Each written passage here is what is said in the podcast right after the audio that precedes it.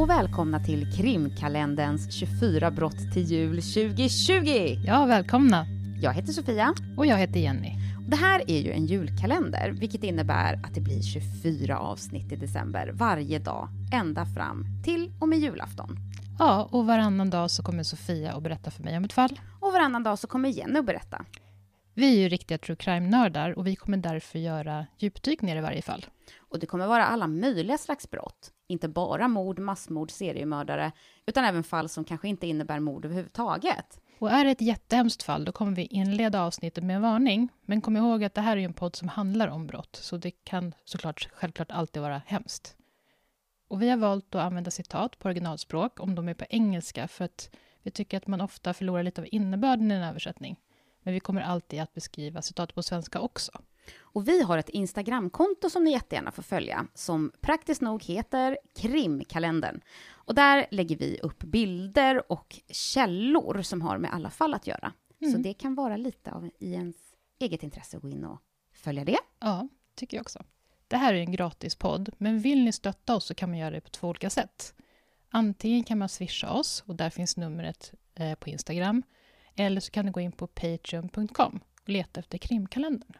Mm, och det är ju liksom många bäckar små som, eh, som gäller, helt enkelt. Och vi är jättetacksamma för de eh, gåvor som vi kommer att få, de som vi har fått, som faktiskt har möjliggjort att vi kan göra de här 24 avsnitten. Absolut. Mm. Tack så mycket. Men nu är jag jättespänd på att höra vad Jenny har att berätta, för det är hennes tur att berätta för mig och er idag. Det är det, och jag är som vanligt spänd på att få höra vad du tycker.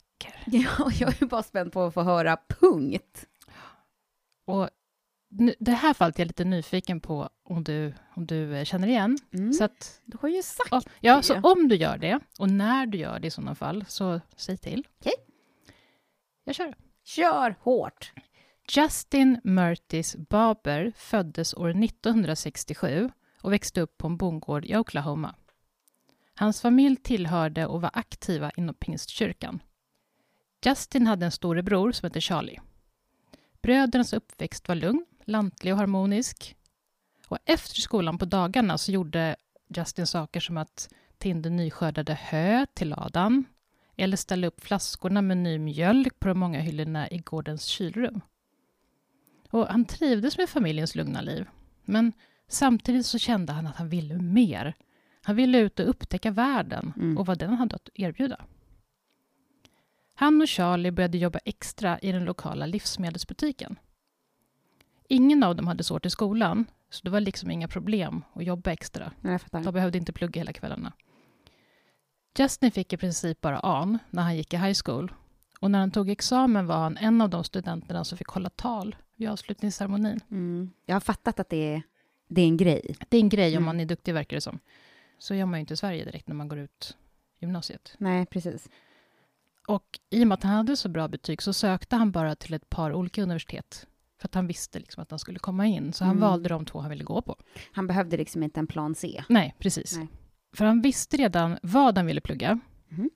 Så han kunde ju, som jag sa, fokusera på vad han ville gå istället för vart han kom in. Han hade nämligen bestämt sig för att plugga nationalekonomi. Mm. För att det är ju en bred utbildning. För det innebar att han kunde söka olika typer av jobb efter examen, för han var liksom inte helt säker på vad han ville göra. Nej.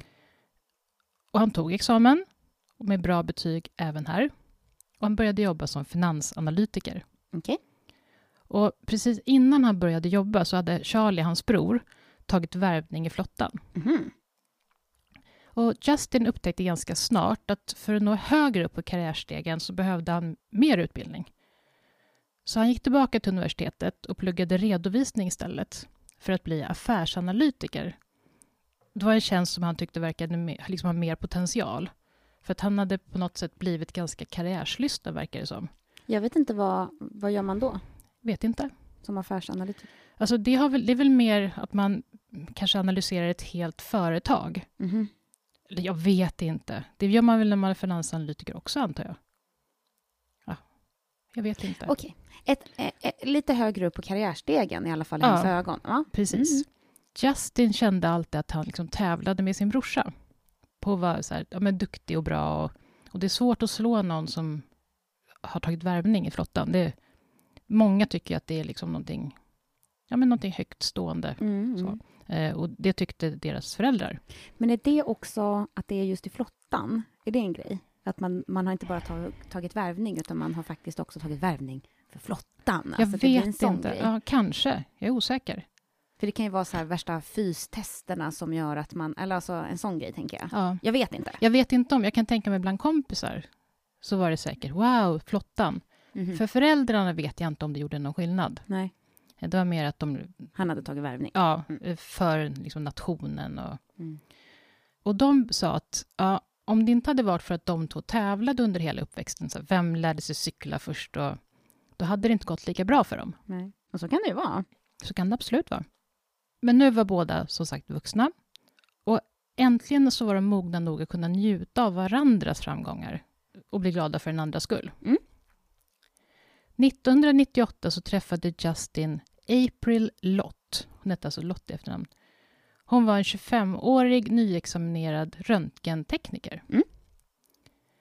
Och hon hade en liknande bakgrund som Justin. Hon var uppvuxen i en lantlig miljö i närheten av en ort med bara 2000 invånare. Mm. Men en sak som skilde April och Justins bakgrund, det var att April hade en svår uppväxt. Så den såg liksom på ytan lik ut, Ja, hur de växte upp och så. Med några riktigt tuffa år, stod det i källorna. Men däremot så har jag inte hittat någonstans vad det innebar. Nej. Men hon har haft det tufft liksom. Mm. Men vad det än var så maskerade April det väldigt väl. Mhm. För hon hade nästan alltid ett stort varmt leende och hon var en fantastisk lyssnare. Och hon ansågs vara väldigt så varm och söt och sprudlande samtidigt som hon gav ett lugnt och jordnära intryck.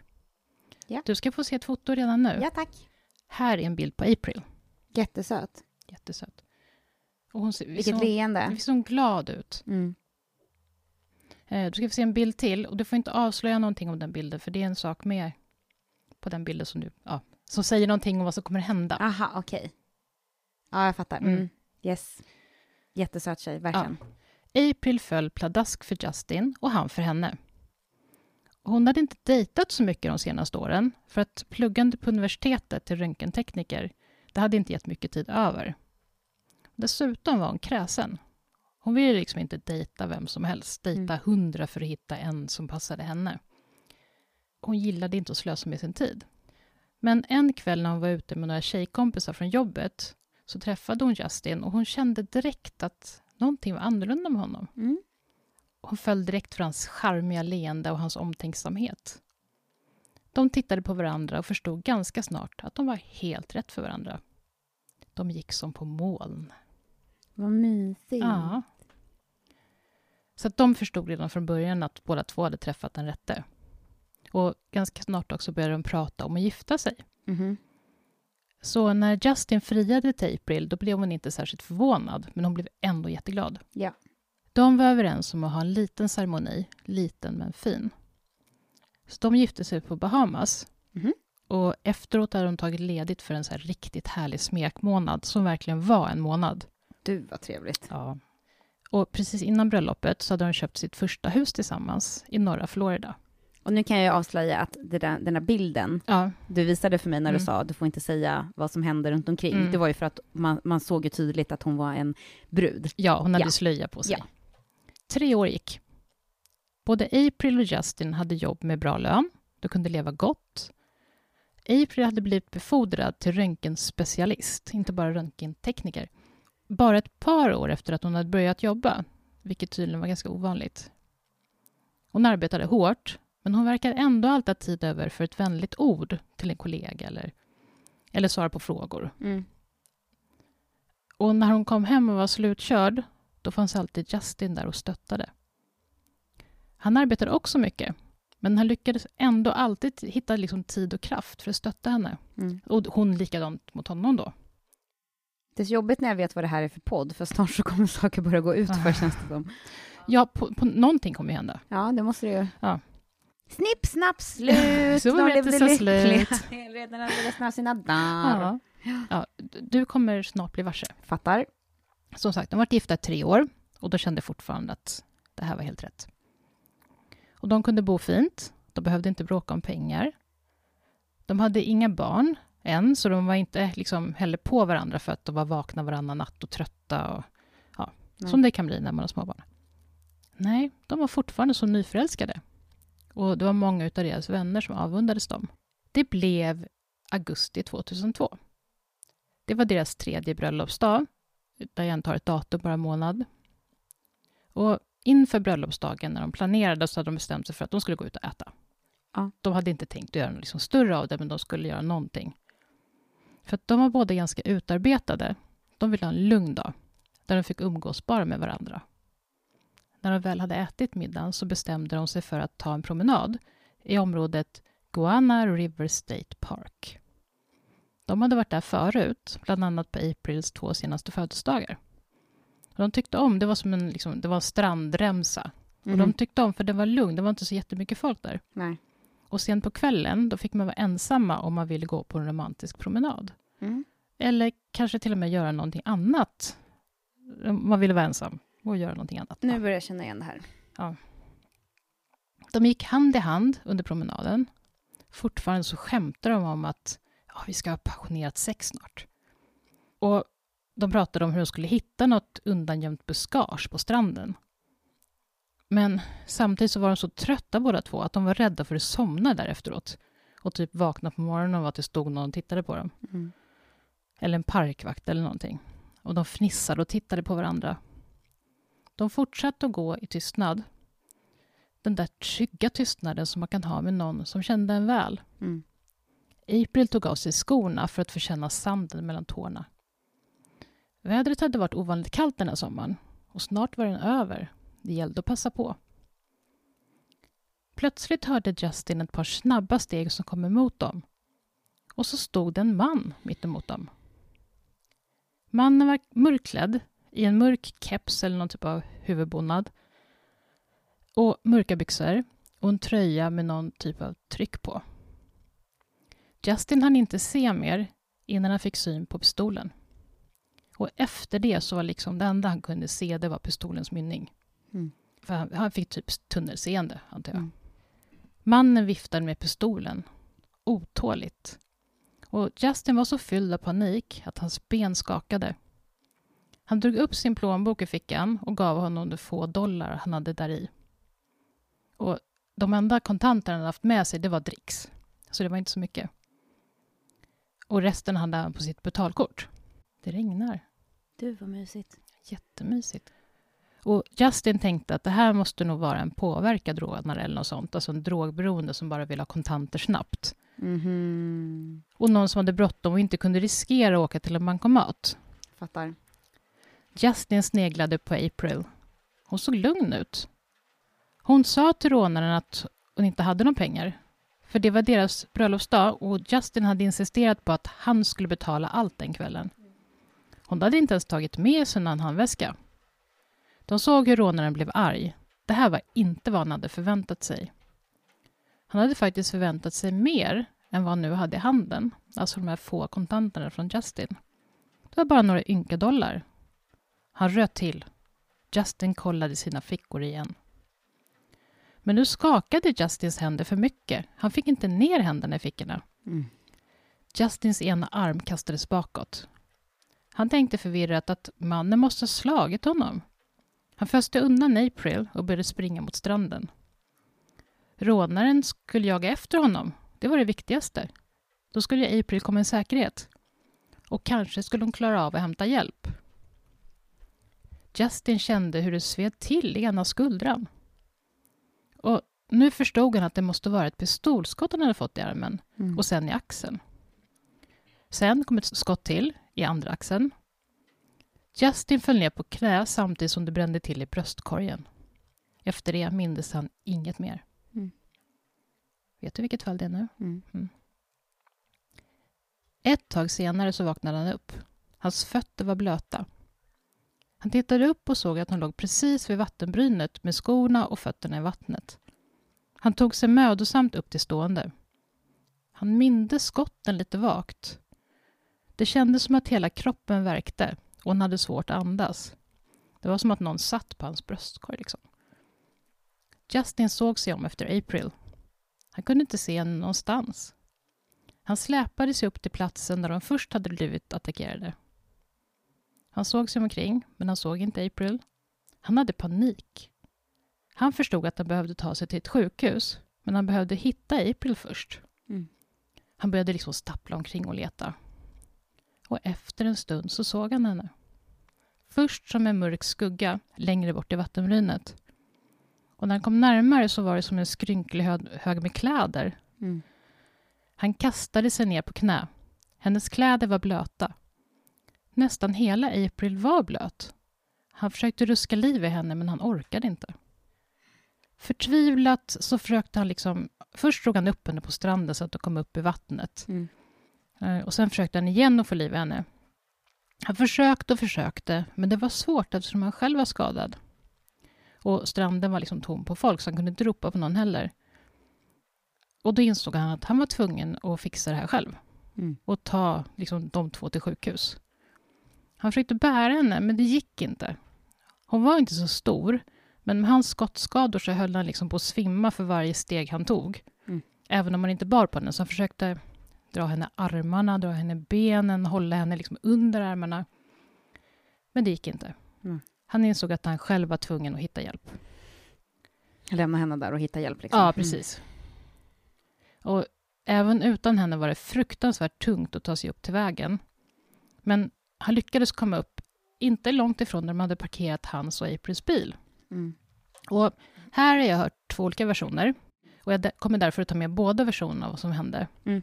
Och det är version två som jag tror stämmer, för det är den jag har hört liksom från flest, källor. källor. Ja, och också mm. den mest tillförlitliga.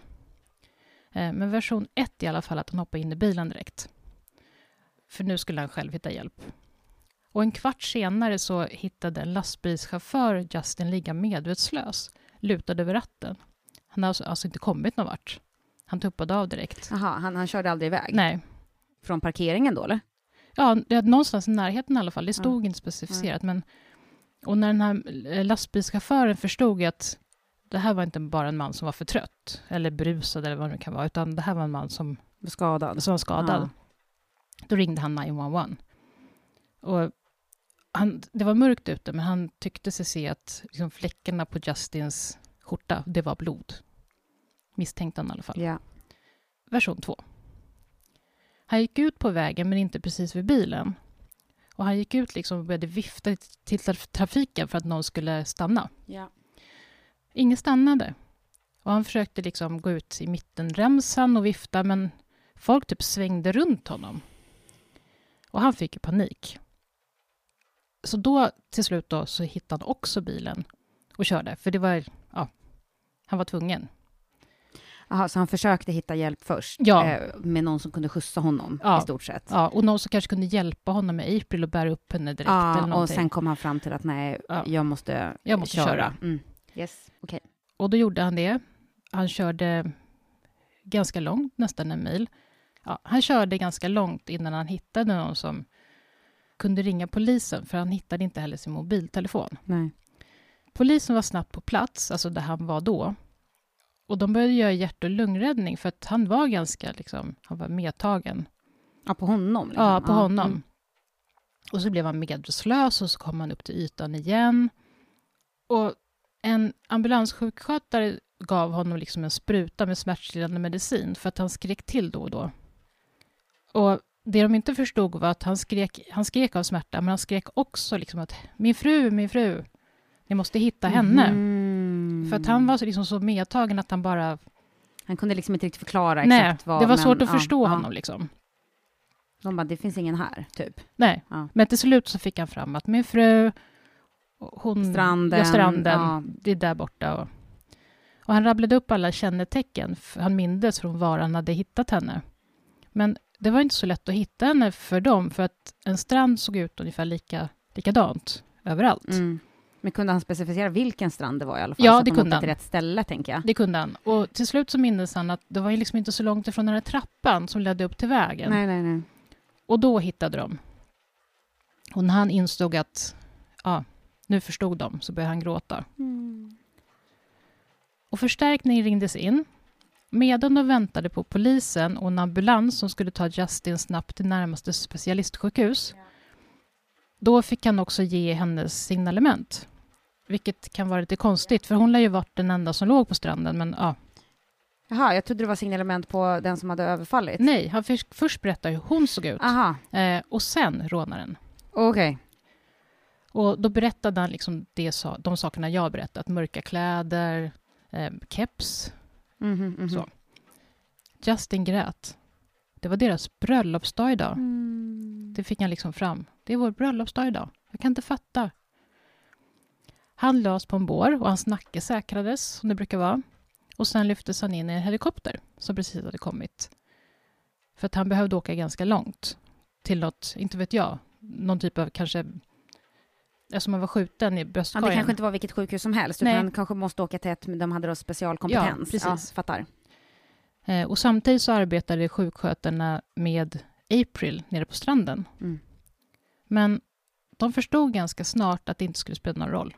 Nej. April hade blivit skjuten med ett enda skott genom kinden. Hon hade troligen dött direkt. Det fanns ingenting de kunde göra. Och under resan i helikoptern så frågade Justin om och om igen hur det var med hans fru. Mm. Men han fick liksom bara så här undanglidande svar. Mm. Det är väl så det är, tror jag. Eh, Det är liksom en läkare sen som ger beskedet, inte en... Jag tänker också att det säkert finns riktlinjer kring hur man gör. Ja, men också så här, okej, han är i chock just nu, Mm. typ.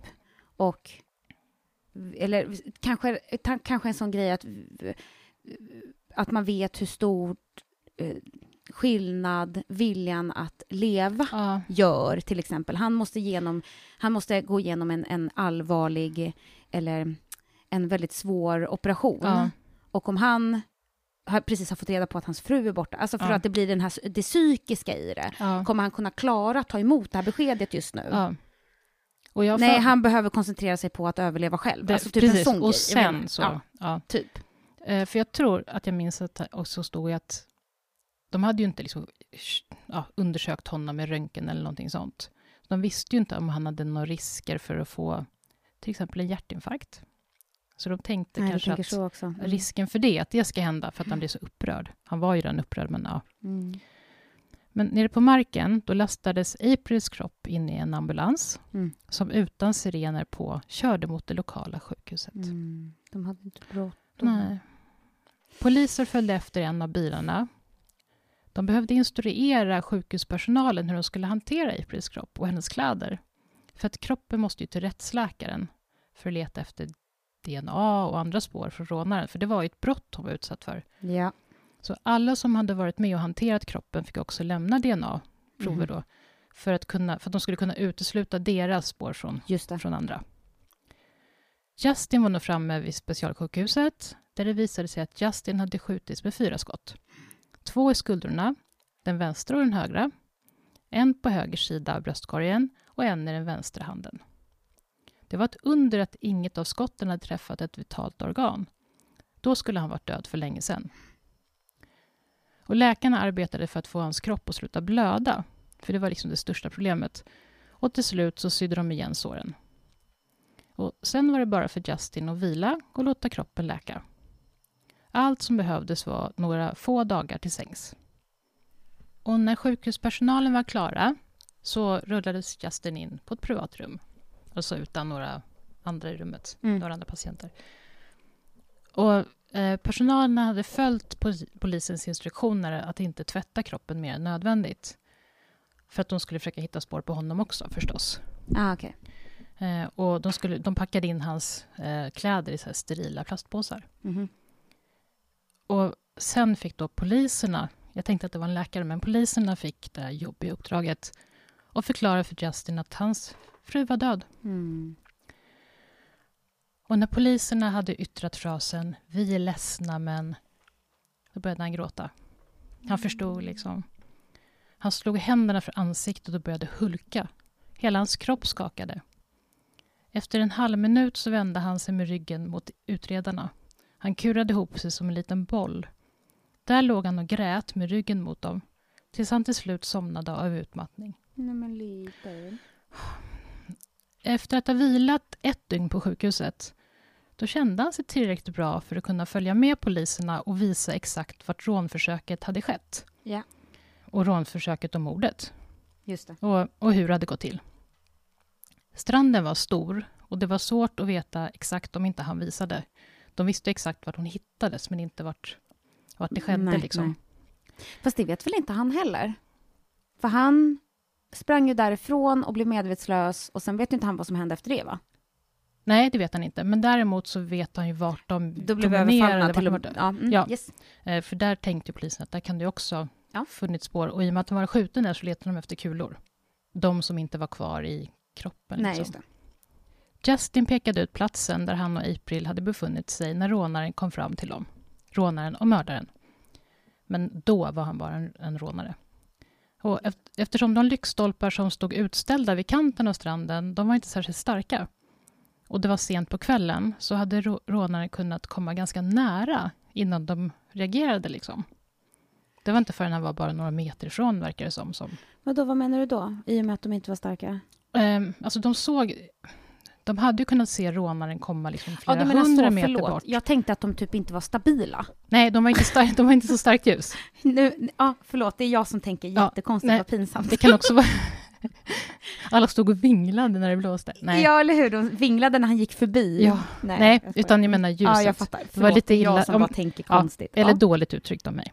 Nej, jag. Eh, Men det var också att han hade bara sett rånaren några få sekunder innan han tog fram pistolen och då såg han bara pistolen. Det var det du sa, ja. Så Mm. signalementet var ganska vagt. Men han kom också ihåg att, att rånaren var, var vit, men att han var mörk. Alltså han var solbränd, helt Mhm, enkelt. mm. För det såg han, han lade märke till, ansiktet var ganska mörkt, men handen som höll pistolen var väldigt ljus. Så det Mhm. var som att han var solbränd i ansiktet, men händerna hade inte fått någon sol. Handskar. Handskar, kanske. Eller bara så här solskyddsfaktor. på- Solskyddsfaktor, eller att han hade liksom gjort någonting där bara huvudet Ja. var i solen. Ja. eller någonting. Redan dagen innan hade en efterlysning gått ut till alla polisdistrikt i delstaten och också de omgivande delstaterna Mm. med den här mannen, ja, hans signalement, det korta signalementet. Och det här nya förhöret, eller det nya liksom gå runt på stranden och titta, det gav inte mycket mer. Nej. De hittade inte så mycket mer. Och det var inte värt att gå ut i media med det här. Alltså medellånga, medelsmala, vita män i mörka kepsar. Det kunde vara vilken man som helst. Ja. Väl tillbaka på sjukhuset så var det dags att förhöra Justin igen. De fick liksom inte låsa in sig på att det var en, en, en påtänd rånare. Visst, det var det mest sannolika, att det var en rånare men, och, som var drogpåverkad, men ja, det kunde ju vara någonting annat. Inte låsa fast sig vid den Nej, hypotesen. Liksom. för det kan vara lite dumt. Ja, det har man ju märkt ibland. Men de behövde också reda ut om det fanns någon i April och Justins närhet, eller historiskt, liksom, som hyste agg mot någon av dem, eller båda. Mhm. Justin frågades ut i timmar, kändes det som. Men han kunde inte komma på en enda som de hade något otalt med. Och han fick beskriva sitt och Aprils äktenskap och han beskrev hur bra de hade det tillsammans och hur enkelt det var att ha ett förhållande med April. Och han kunde liksom inte acceptera att de bara hade fått tre år tillsammans. För de hade ju bara börjat liksom, sina liv tillsammans, det var bara tre år. Och sen gick de in på släkten och hur familjeförhållanden såg ut. Men inte heller där kunde Justin komma på någon misstänkt eller någonting. Inte en enda sak som var liksom stack ut. Visst, han hade en kusin som åkte in och ur fängelset hela tiden. Men det var mest för liksom bilstölder och sånt. Han skulle inte mörda, Nej. och inte dem. Liksom. Men polisen antecknade kusinens namn ändå. Mm. Peter Bowens. För de skulle i alla fall besöka honom och prata med honom. Även om han visade sig vara helt oskyldig så skulle han kanske kunna berätta mer om familjen och släkten än vad Justin mindes eller visste. Mm. Nu var de tre olika grupper av poliser som arbetade med olika saker i fallet. En grupp befann sig fortfarande på stranden och dels på laboratoriet där alla spår undersöktes. Alltså den fysiska undersökningen helt enkelt. Gruppen på stranden letade fortfarande efter vapnet som de inte hittade. Eh, men kulan satt fast i Aprils huvud och därför visste de att det var en 22 kalibrig pistol. Den andra gruppen letade efter en misstänkt och gjorde förhör och intervjuer. Och de tittade också på områdets kända rånare. Och andra registrerade förbrytare också kollades deras alibis och så.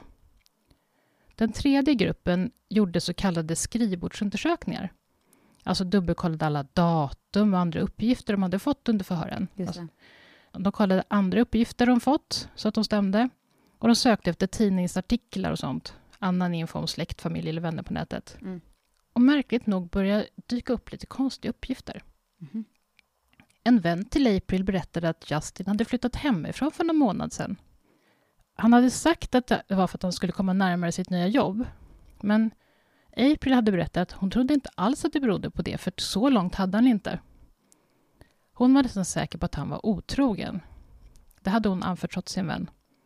För att hon hade berättat för sin kompis att de inte alls hade haft det så bra på sista tiden. Mm.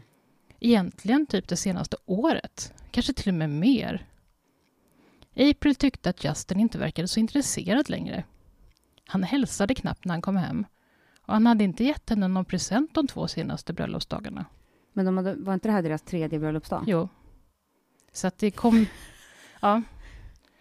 Så att han hade aldrig gett henne en bröllopspresent? Nej, faktiskt. För första... Ja, så får man kanske ingen. Så, det får man ju sen. Ja, nej. Sant. Okay. Det gick snabbt utför. Kan man säga. Och när de har varit borta från varandra ett tag, då verkar han liksom inte glad av att nej, se henne. Ja. Så han verkade klart ointresserad. Och polisen kliade sig i huvudet. Visst, det var inte ovanligt att anhöriga liksom friserade sanningen lite när det handlade om en avliden anhörig. För att det ska låta lite, lite bättre. Man vill inte tala illa om en, en död person. Ja, men samtidigt kan jag känna så här också. Mm. När man, alltså man har ju man har ju kanske ett behov av att prata med sina kompisar när, man, när det är dåligt i ens förhållande. Mm. Men det är ju inte ofta man ringer upp till en kompis och säger bara hej, eh, jag vill bara, jag har ett behov av att berätta om hur bra jag har det. Det är väldigt sant. Utan det är ju ofta liksom att, att det blir skevt, att man berättar bara det negativa. Ja, du tänker att de kan ha haft det bättre än vad en kompisens uppfattning. Liksom. Ja, för det är ju ofta så, och det är ju en medvetenhet som man måste ha, att jag måste kanske påminna mig själv om att mina vänner har det säkert mycket bättre i sina förhållanden än vad de pratar om, för att det är ju enbart när det är någonting dåligt som har hänt som de har ett behov av att prata, men det speglar ju inte hela förhållandet. Nej, nej det är verkligen sant. Mm. Eh, och de kan ju inte prata med April. De får nej. ju bara... Men det här var ju liksom att göra om sanningen helt, på något sätt, även om ja. det var och de tyckte att det var liksom en märklig sak att ljuga om. Alltså han behövde säga att de hade dåligt, men... Han sa att det var så vansinnigt bra. Ja, precis. Han hade verkligen... Ja. För att varför skulle han göra det? Han var ju lika mycket offer han också. Det enda var att han hade haft mer tur än sin fru. Mm. Han hade överlevt trots att han blivit skjuten fler gånger än henne och dessutom med bröstkorgen. Mm. Och de konfronterade Justin med uppgifterna och han bad om ursäkt. Han hade inte velat erkänna att de hade det lite knackigt just nu. Men han var absolut inte otrogen, det kunde han lova. Han kände sig helt nedbruten över att April hade trott det, för det visste han inte. Tänk att hon hade gått omkring och mått dåligt utan att berätta för honom. Då kunde han ju ha berättat att nej, jag är inte otrogen. Det lät trovärdigt det som Justin sa. Det kändes uppriktigt, ärligt. Men poliserna bestämde sig ändå för att ta in hans dator för en genomgång. Man visste ju aldrig. Och de instruerade deras dataexpert för att göra liksom, ja, den minsta typen av genomgång. De hade som olika nivåer. Ja. Precis som man kan göra vid så här rättspsykiatriska utredningar. Man kan göra stor eller liten. Mm. Och I det här fallet så fanns det tre olika nivåer. Efter bara några timmar så ringde IT-specialisten tillbaka.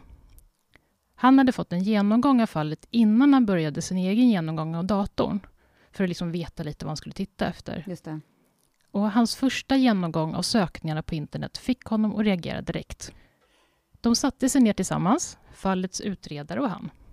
Specialisten, alltså IT-specialisten, visade de första sökningarna, alltså sökningar som då Justin hade gjort. Allt var från några veckor innan överfallet. Och här kommer då några av sökningarna. Den första. Hur ska man göra för att överleva att bli skjuten av en pistol? Och hur ska man skjuta sig själv för att inte träffa vitala organ? Och hur ska man skjuta för att inte förblöda? Och var hittar man vapen som inte kan spåras? Det ser ju inte så bra ut, tänker jag. det gör inte det, nej. Nej. nej. Och dagen innan April dog så hade Justin laddat ner låten av Guns N' Roses som heter I used to love her, but I had to kill her. Det är det här jag minns. Ja, Ja, det, det där minns jag. det förstår jag, för det sticker ut ganska Det sticker mycket. ut Ja. och de gör en grej av det också, va? De gör ju det, det är med i rättegången sen. Mm. En ekonomisk koll visade att Justin hade skulder på 58 000 dollar, alltså ungefär en halv miljon svenska kronor. Men det som var mest intressant det var att April och han hade väldigt höga livförsäkringar. Justin skulle få motsvarande 20 miljoner kronor om April dog. Och det har han gjort nu. 20 miljoner? Ja. Oj! Så 2 miljoner dollars Aha. försäkringar. Ja, jag tänkte dollar först. Nej, förlåt, 20 miljoner kronor. Ja. Och samtidigt som utredarna satt och tittade på Justins dator skrevs Justin ut från sjukhuset och han kunde åka hem för att vila upp sig hemma. Och han måste ju också börja planera Aprils begravning. För att de berättade liksom inte för honom vad de hade hittat än så länge. De behövde mer. De behövde mer bevis. Även om det här tyckte de i alla fall var bevis nog för dem, så var det inte bevis nog för en domare. Det visste de. De fick inte avslöja för Justin att de trodde att han var den skyldige. Nej. De utökade sina intervjuer. Nu intervjuade de inte bara Aprils närmaste väninnor utan lite mer liksom avlägsna kompisar och bekanta också. Och likadant för Justin, alltså Justin, Justins vänner. Och de sa liksom att det här är bara rutin, så här gör vi alltid. Men bit för bit började pusselbitarna falla på plats. Det visade sig att Justin visst var otrogen just nu. Med en kvinna som han spelade tennis med tre gånger i veckan. Men det var inte allt. Han hade visst inte varit trogen alls. Inte en enda dag från att han och April gifte sig, möjligen då på bröllopsresan. Nej, han hade varit otrogen hela tiden. Utredarna hittade minst tre kvinnor som han hade haft affärer med under de tre åren han och April var gifta. Så charmigt. Japp. Så nu vart det ett fall för åklagaren, eller för domstolen. Och enligt åklagaren så hade Justin bestämt sig för att mörda sin fru för ungefär ett år sedan. Hur hon nu hade räknat ut det. Det kanske var då sökningarna började på datorn. Eller. Mm. Den tekniska undersökningen hade också visat att Justin först hade bestämt sig för att dränka April. Men av någon anledning hade det inte funkat. Därför hade han skjutit henne. Och det upptäcktes när det visade sig att hon hade lite vatten i lungorna. Och om hon hade skjutits först, då hade hon inte haft det. För om hon skjutits först och hamnat i vattnet, Ja, då då, andas hade, hon då inte, andas hon inte, då andas hon inte in Mm. vatten. Det blev rättegång. Mm. Och en av de första sakerna som åklagaren gjorde var att spela upp den här låten. Ja. Som att det här, det här räcker som bevis. Det är typ det enda. Men det är ganska intressant när man lyssnar på liksom, hur den här rättegången gick. Så var det så här, det finns alltid två sidor av ett... Det finns alltid två sidor. ja. För att försvaret sa då att jo, fast han laddade ner 16 låtar bara liksom den här dagen. ja. Och totalt sett hade han, inte vet jag hur många det var, alltså många hundra låtar. Och det var säkert massa av de låtarna som handlar om eh, bedyrade kärlek Precis. för sin kvinna. Liksom. Ja, Ja, Jag minns ju det här. Ja. Jag minns ju den här rättegången och att jag tyckte att det var så löjligt att Ja. de gjorde en grej av det. För det ju, blir ju nästan att jag blir så här, okej, men har ni inget bättre att komma med, nej, då har ni ingen, då har liksom inga bevis. nej. För det kändes så löjligt. Ja, precis så. Och varje, nästan varje sak, eller många saker, kunde de liksom... Till exempel, åklagaren sa att... För han hade kört ganska långt innan han fick hjälp. Ja. Och då menar han på att, men varför körde du så långt? Mm. Varför gick du inte in i närmsta hus? Mm. Vi tror att du körde långt för att du ville göra av med vapnet långt bort. Försvaret säger då att, ja, fast titta här, här är en karta. Titta på de här husen. Nästan alla hus fram till det han stannade vid var såna här gated communities. Där kunde han ju inte komma in. Nej. Så de hade liksom hela tiden, eller ofta, Hade de faktiskt, så här logiska förklaringar? Ja. och faktiskt inte hittepålogiska, utan verkligen logiska på riktigt. ja, på riktigt. Att man bara, mm, that's true. Ja. Så det var ganska, jag kan tipsa om att lyssna på, det finns lite olika poddar, bland annat Court Junkie, Ja, som har det fallet. det har inte jag hört. Nej, det är en podd som upptäckte jag faktiskt inte spelas in längre. Den har inte spelats in sedan 2018. Nej, men jag känner till podden, Ja. men jag har nog inte hört det avsnittet. Nej, du har inte hört för jag tror att avsnittet. jag har se- jag, jag, i min- jag vet inte var jag har hört det här fallet ifrån, Nej. men jag ser framför mig att jag har sett inspelningen från rättegången. Ja.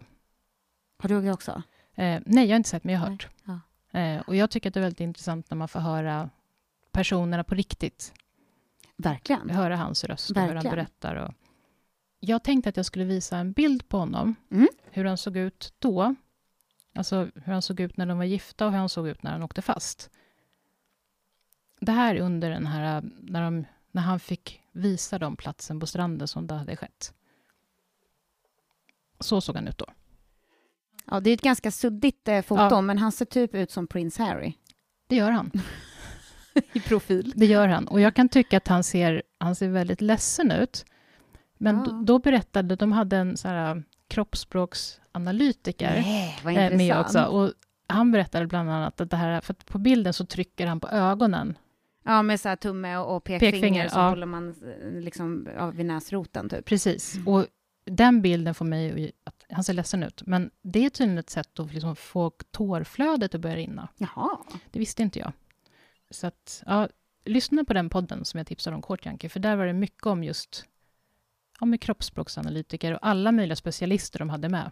Ja, jag fattar. Jag minns, som sagt, jag, jag känner igen fallet, Ja. men jag minns inte detaljer. Nej. Men, eh, men eh, ja, jag, jag ser framför mig att jag har sett typ Dateline eller Ja. 48 hours eller någonting sånt liksom. Och det är intressant att lyssna och se på ganska mycket olika, för de tar fram och belyser olika saker. Verkligen.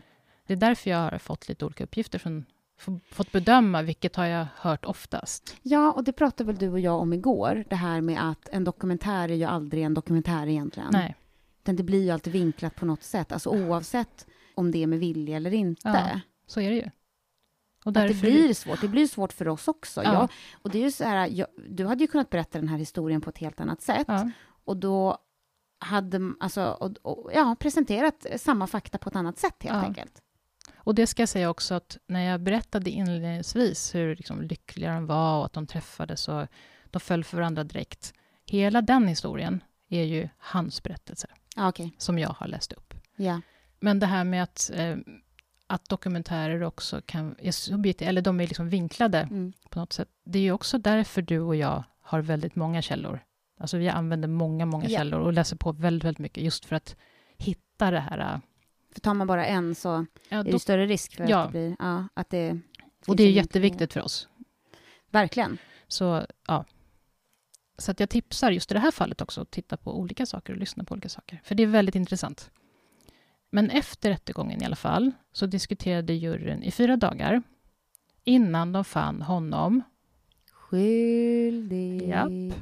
Och under nästa del av rättegången så var ju den här själva, ja, där påföljden ska bestämmas, vad han får för straff. Då övervägde juryn i 51 minuter.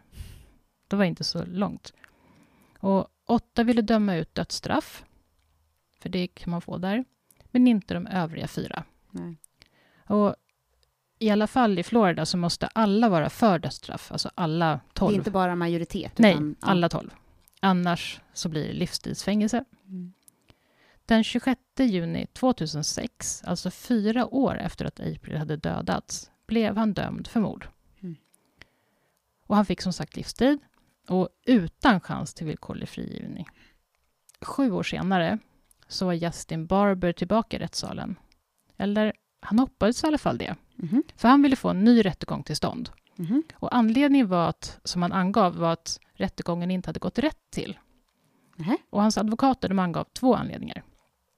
Den första var att alla bevis som togs upp var antaganden, sa de. Det fanns inga faktiska fysiska bevis, som till exempel krutrester på Justins händer. För det fanns det inte. Men var det en del av bevisningen som de tog upp? Krutrester? Nej, precis, de gjorde inte det. De hade ingenting sånt att ta upp och använda. Aha, så att det är avsaknaden säger... Ja, jag precis. Mhm. Eh, De sa att det finns liksom ingenting. Ingenting riktigt. Så allting är antaganden och liksom... Fattar, då Ja. är jag med. Och den andra anledningen till att de ansåg att rättegången skulle tas om, det var att de ansåg att polisen alldeles för snabbt hade fokuserat på Justin som den enda misstänkte. För förutom honom hade de kollat upp hans kusin lite. Och direkt de tyckte att Justin måste vara skyldig, eller trodde, så slutade de liksom utreda allting annat. Mhm. Och advokaterna sa, mördaren finns där ute. Men ni har knappt brytt er om att leta efter honom. Mhm. Ni har bara velat liksom snärja Justin. Och är det sant så är det fruktansvärt. Verkligen. verkligen. Jo, för det är en sak jag skulle säga också. När jag fick höra delar av rättegången, Mhm. när man, det här just att åklagaren säger en sak och försvaret kan förklara det. Ja. Att jag varit lite så här, "Ja, det kanske inte är han. Nej. Så. Sen i slutet så, tänk, så tänkte jag att det måste ju vara han, men Ja, jag fattar. Och vad gällde punkt ett så höll domaren med. Det fanns inga fysiska bevis. Och de höll med om att, för att ett argument var att skjuta sig själv fyra gånger, går det ens? Tuppar man inte av efter första skottet? Det var liksom huvudargumentet nästan. Mm. För att risken var stor att han skulle dö, särskilt när han sköt sig i bröst, bröstet då, om man gjorde det. Ja. Men åklagaren sagt att men det var liksom ganska ytliga sår. Och han hade läst på innan hur han skulle skjuta. Ja, för det är det jag tänker att nej, det är ju egentligen ingen bevisning att han faktiskt... Att det är så. Men Nej. alltså, vem googlar en sån grej förutom typ du och jag? Precis. Det är väl nästan kanske huvudbevisningen. Låten var ju inget bevis överhuvudtaget. nej, det var ju bara töntigt, Ja. tycker jag med. Men just googlingarna, det ser ju inte bra ut. Nej.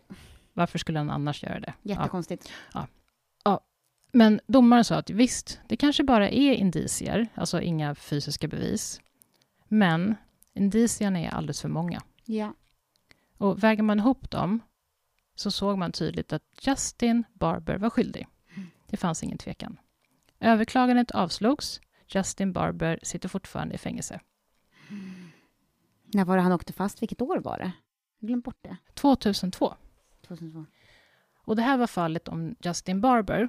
Men jag tänkte säga en sak. Och vi ska absolut inte... Vi är inte en podd som liksom skrattar. Det är inte en skrattpodd.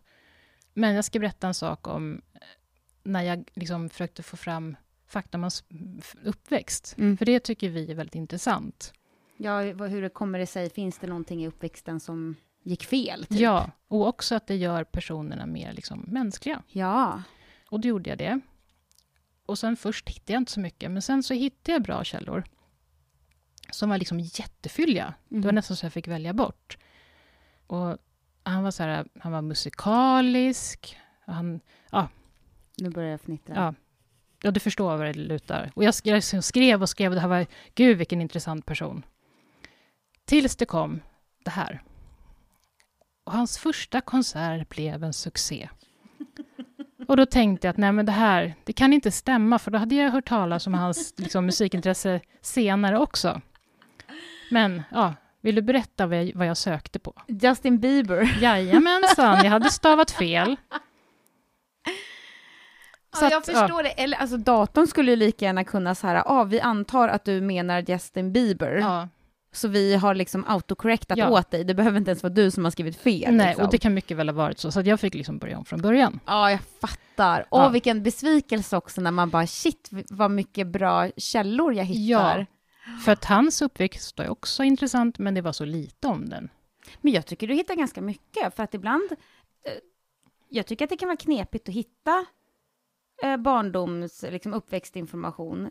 Ja, det var ju absolut mer än ingenting. Ja, helt klart. Eh, Men en del hittar man ju mycket om. Men det är ju väldigt ofta så här seriemördare som har gjort konstiga grejer.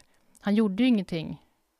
Ja, Ja, alltså jag har blivit, jag tänker så här att ju, ju mer aktuellt ja. fallet är, desto lättare är det att hitta. Men ibland är det ju inte så. Nej. Alltså jag har ju researchat ett fall där killen är född 1981. Ja. Jag vet inte ens vilket datum 1981 han nej, är född. Nej. Och det kan man ju tycka är märkligt. Liksom. Ja, och sen så är det liksom vissa fall som jag researchar som är liksom sent 1800-tal eller liksom och då kan det också vara knepigt att Ja. hitta, men det, det köper man ju, men det är Ja. nästan som att det är lättast, jag vet inte. Jag vet inte heller om det finns något Vad är det som speciellt avgör? Nej, jag vet inte. Men det, det är inte alls en självklarhet att det är lätt att hitta om jag säger så. Nej. Liksom. Så är det absolut. Som det här fallet kan man väl säga var... Jag hade inte jättemycket information, men jag hade ju information. Jag Mm. kunde beskriva hans uppväxt. Liksom. Det var lite mittemellan. Så det var lite mittemellan. Men det var inte lika mycket för Justin Bieber, Mm. eller som Justin Bieber. men eh, ja, Mm. det var Justin Barber det. Ja, väldigt intressant. Mm. Det, och det är ju, ja, sådana här fall är ju väldigt intressanta, Mm. just där det är, ja men var det han eller inte? Ja.